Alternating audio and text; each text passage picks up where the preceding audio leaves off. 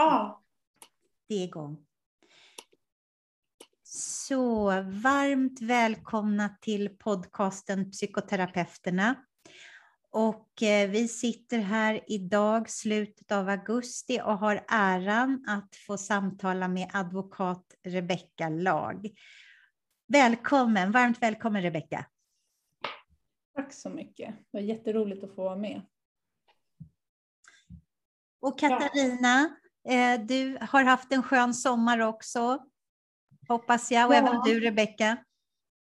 Jätteskönt och vacker höstdag mm.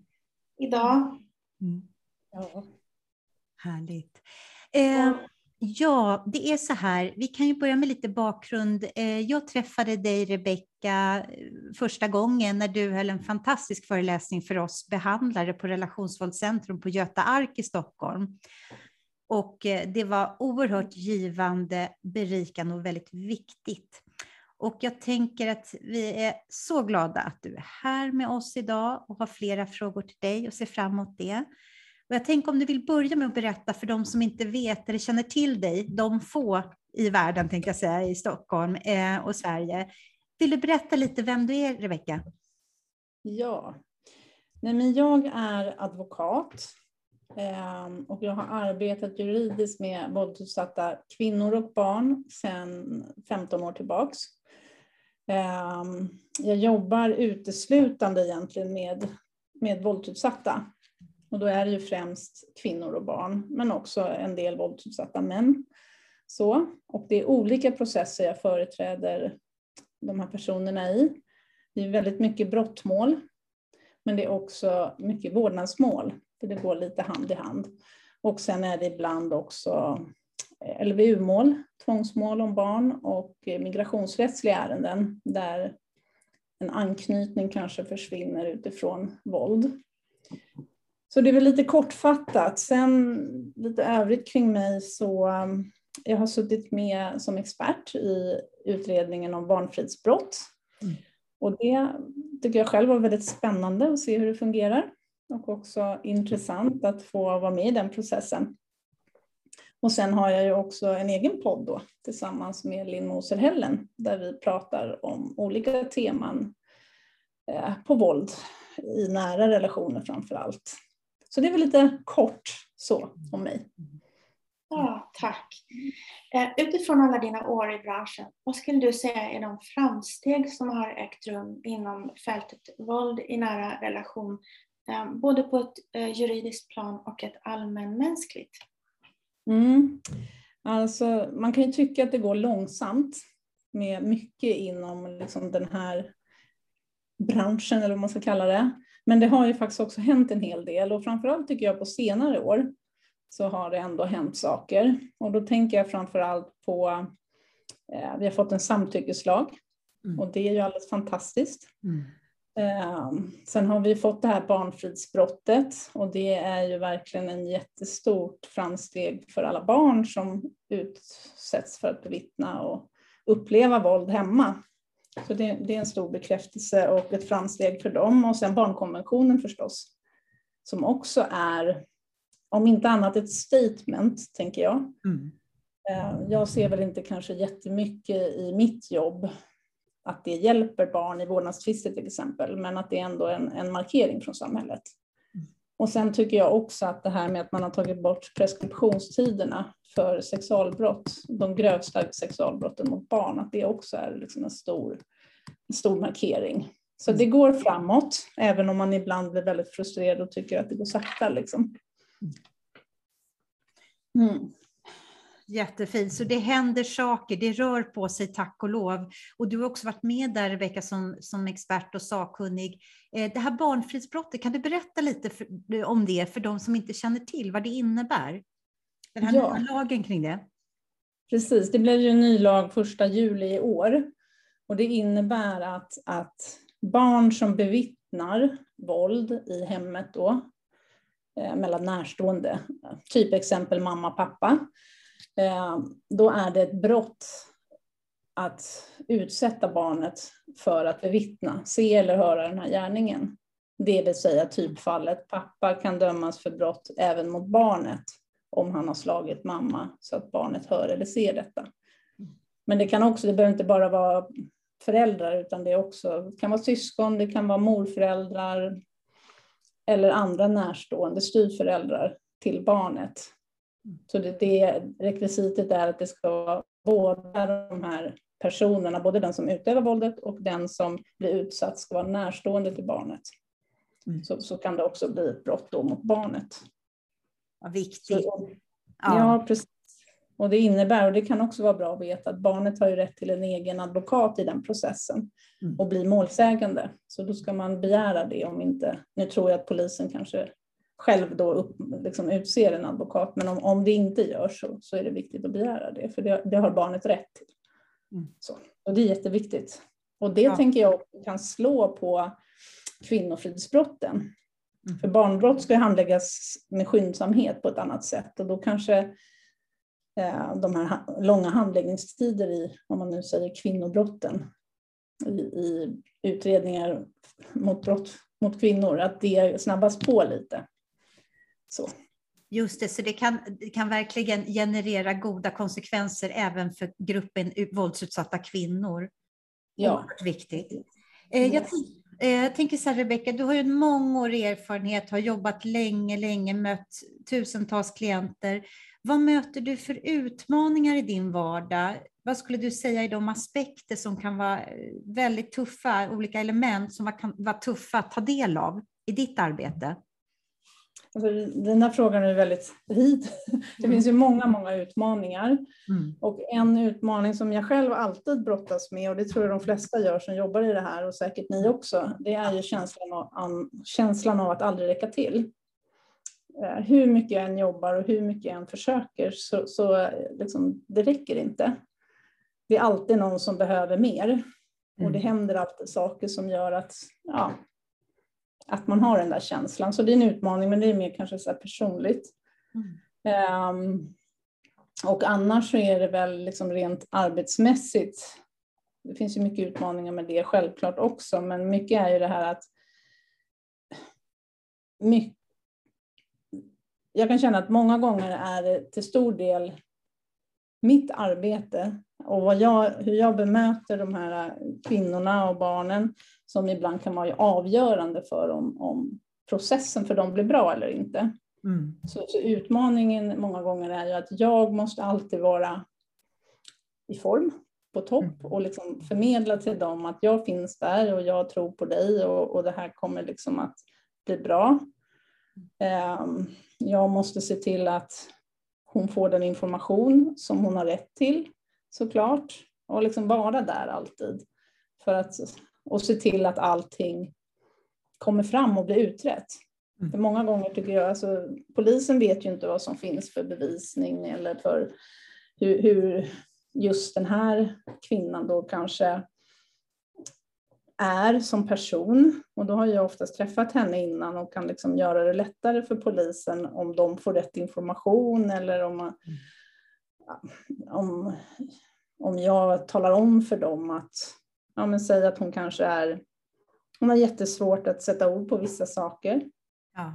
Kanske inte kan berätta om en våldtäkt för att hon kanske inte ens får, kan säga ett könsord.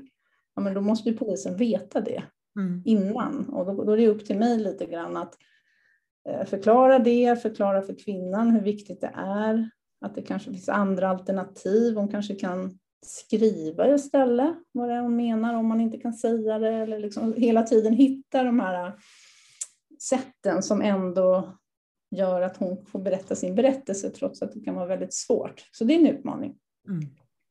Ja. Ja, vad finns det mer? Det, andra utmaningar är ju hur hela rättssystemet fungerar tycker jag. Så, det är väldigt långa handläggningstider mm. som gör att många ger upp Kvinnor mm. går tillbaks. Eh, barn inte får någon stabilitet. Ibland blir barn omhändertagna för att kvinnan går tillbaks. Trots att hon kanske inte vill det, men hon ser liksom inget annat alternativ i allt det svåra när allt tar lång tid och liksom, det känns motigt.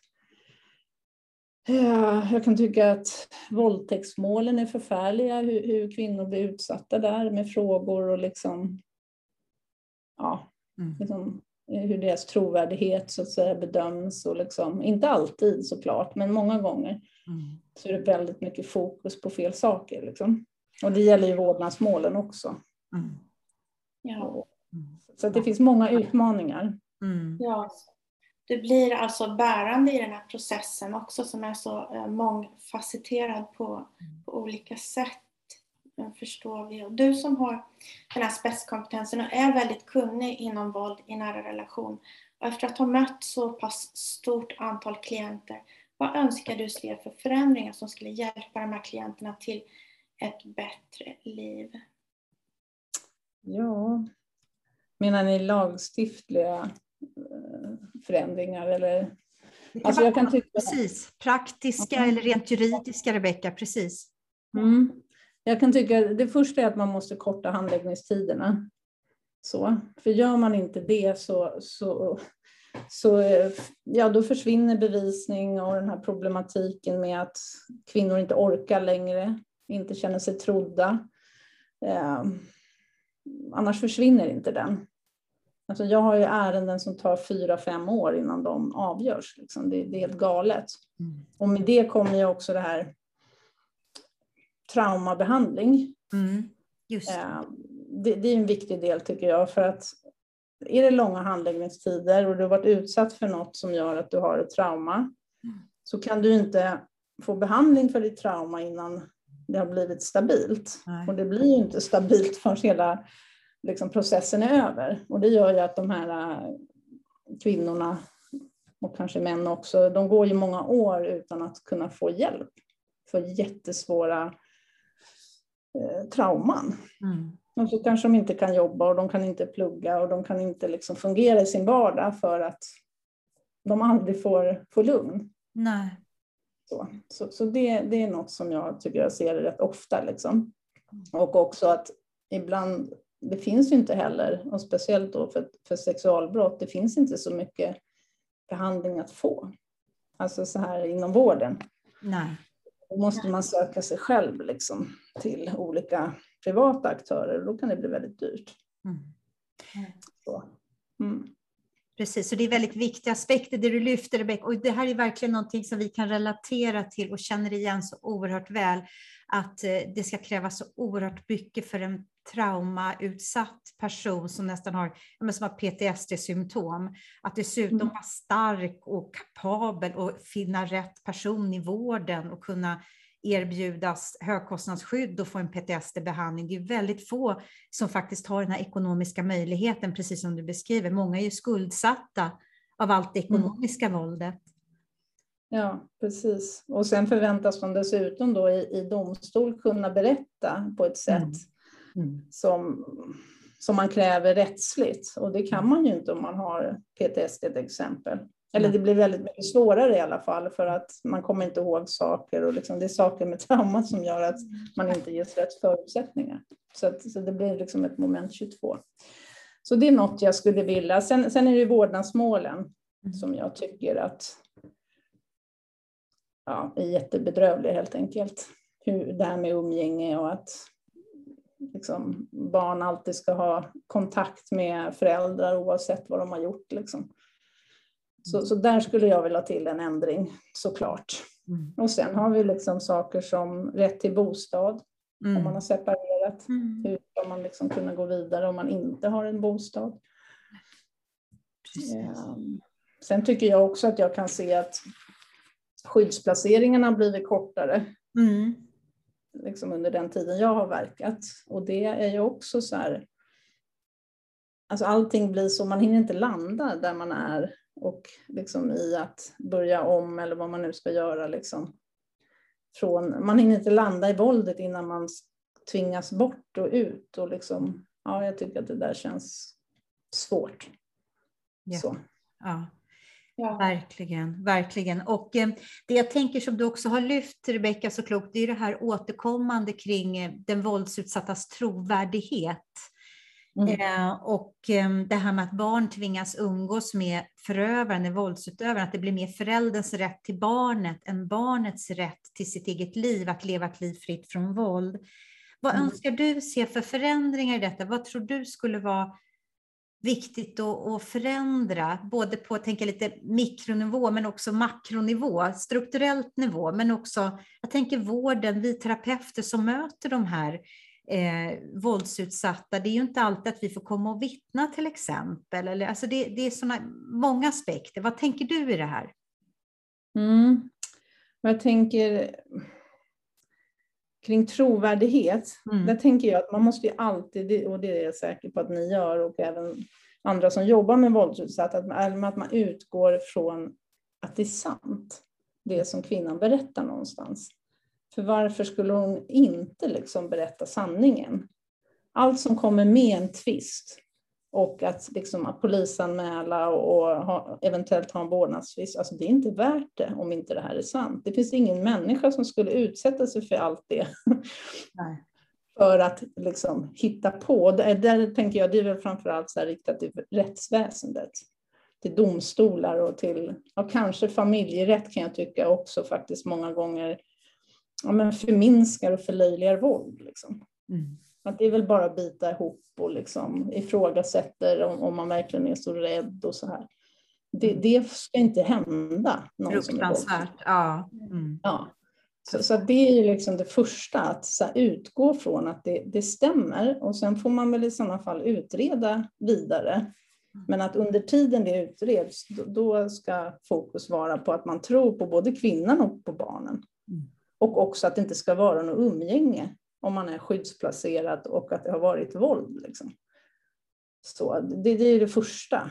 Mm. För det är väldigt mycket fokus på, tycker jag, vad, både som brottsutsatt i brottmål och också i vårdnadsmål. Vad gör de här, nu säger jag mammorna för att det oftast är mammor, liksom, vad gör de? Det är liksom mycket ansvar på, på våldsutsatta att de ska fixa och trixa allting. Yeah. Nästan liksom bära iväg barn till umgängen.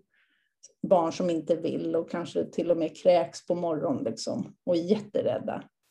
Så lägger man allt ansvar på, på mamman och sen så tittar man nästan inte på pappans omsorgsförmåga. Och det, det tycker jag är verkligen mm. konstigt. Mm. Och där borde det liksom, fokus borde flyttas, tycker jag, till, till de här våldsutövarna. Lägg ansvar på dem och kräv att de går i behandling så att de mm. blir bra föräldrar liksom. och bra partners. Så ofta har de ju en våldsproblematik. Mm. Alltså dokumenterad på något sätt. Men, men ja. Precis. Det, så att den här situationen cementeras och nya trauman kan uppkomma under tiden. Mm. Eh, dessutom.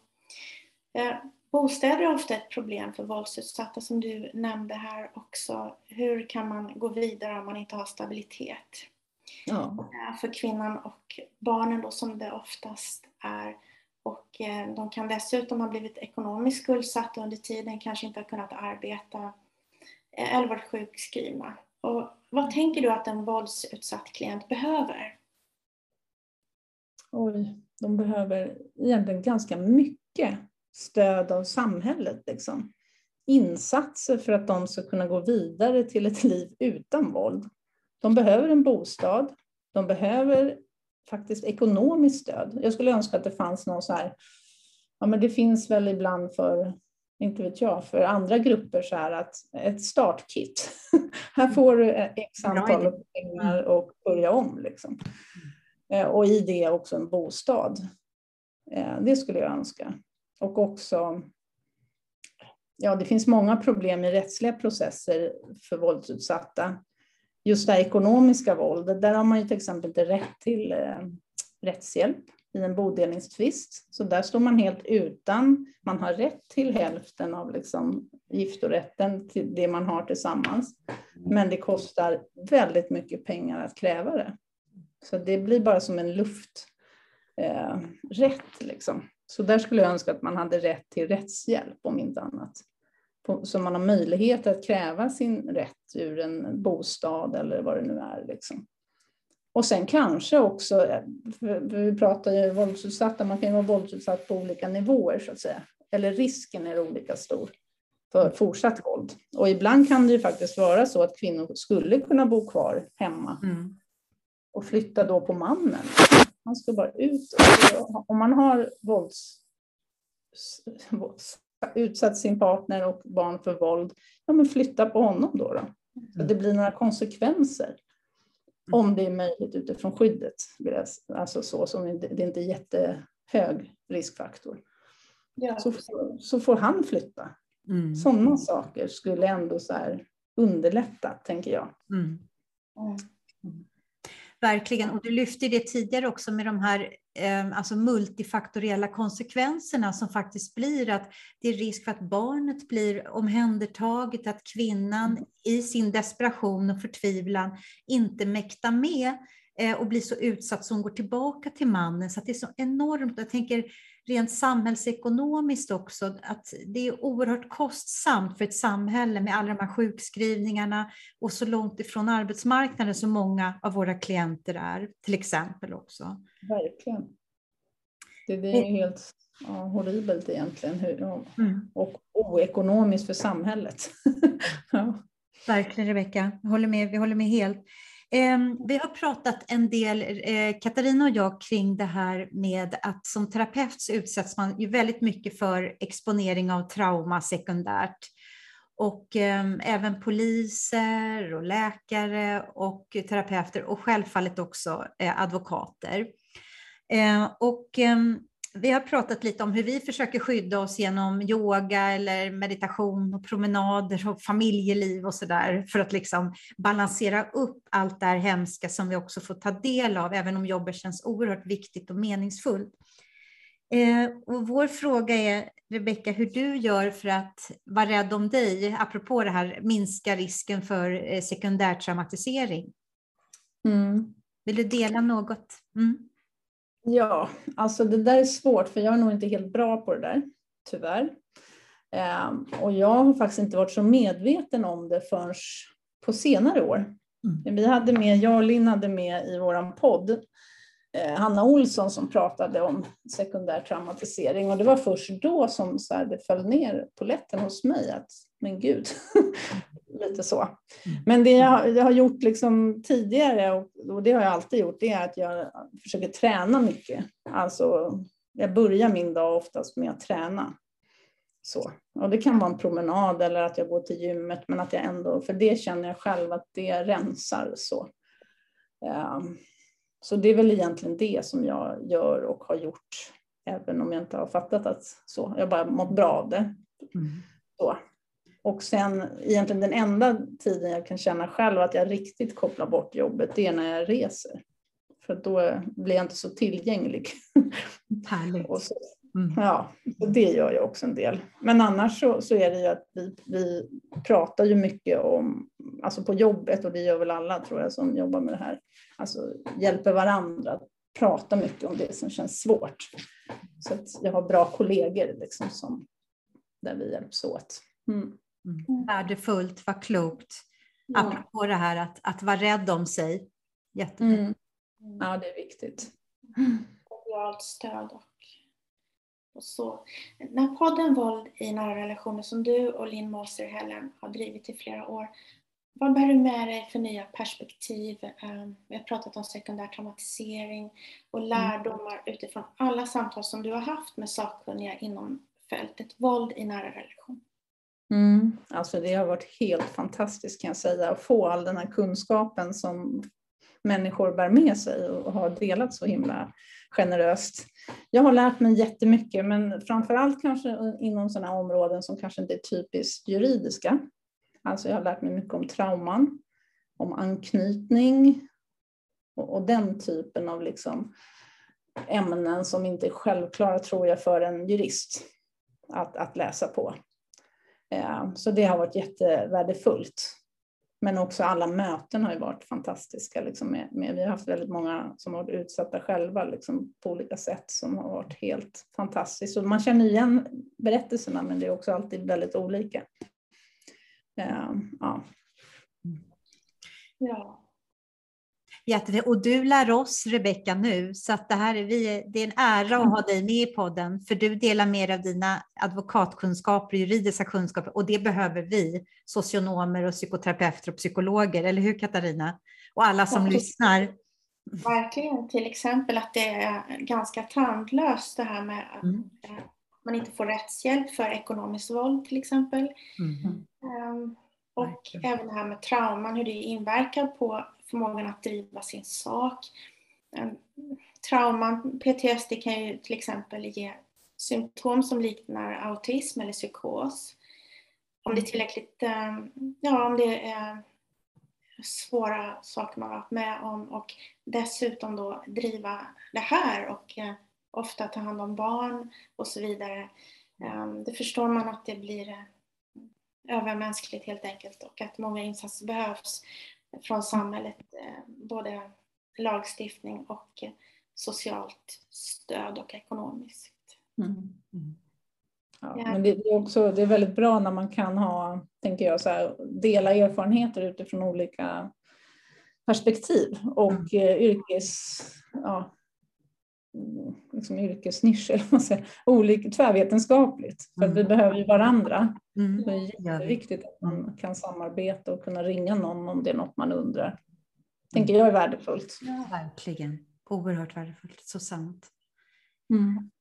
Och, um, så avslutande, um, om det är något du skulle tillägga, um, Rebecka, innan vi slutar. Vi hade en liten fråga också om den nordiska paradoxen som man brukar tala om i, när det gäller våld. Vi har kommit väldigt långt, Sverige och Norden som helhet internationellt. Vi är ofta ett föredöme när det gäller jämlikhet och ändå ser det ut så här.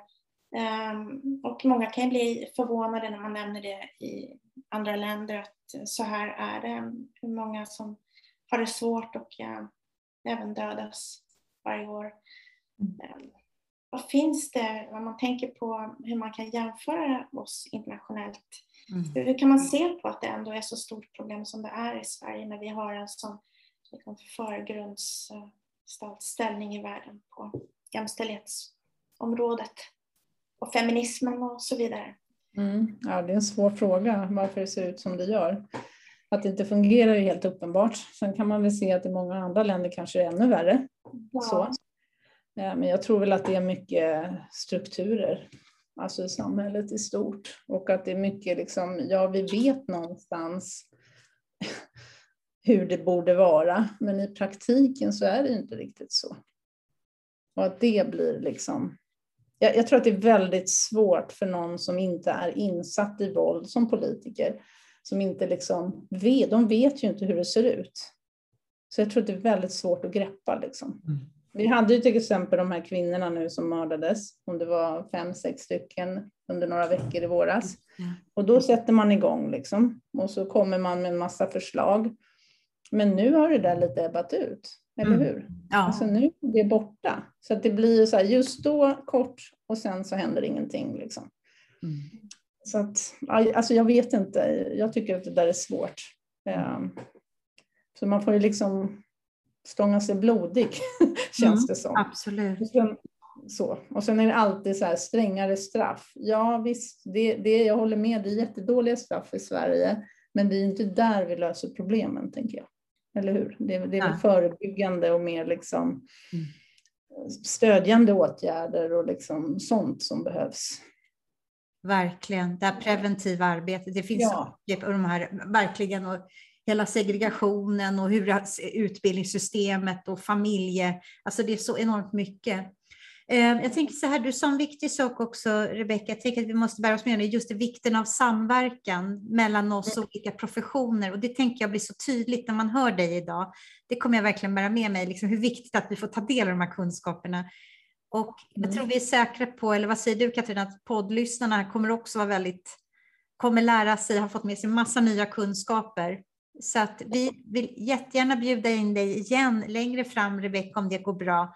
Eh, för du är en av förgrundsgestalterna i Sverige inom det här och vi är rädda om dig att få träffa ja. dig. Ja, jag kommer gärna. Yes. yes. Härligt. Ja. Fint. Varmt tack för idag. Tack till Ja. båda och ta hand om er och vi ses igen. Varmt tack. gör vi. Tack för att jag fick komma. Tack. Tack så mycket. Varmt tack. Hej då! Hej då. Hej hej.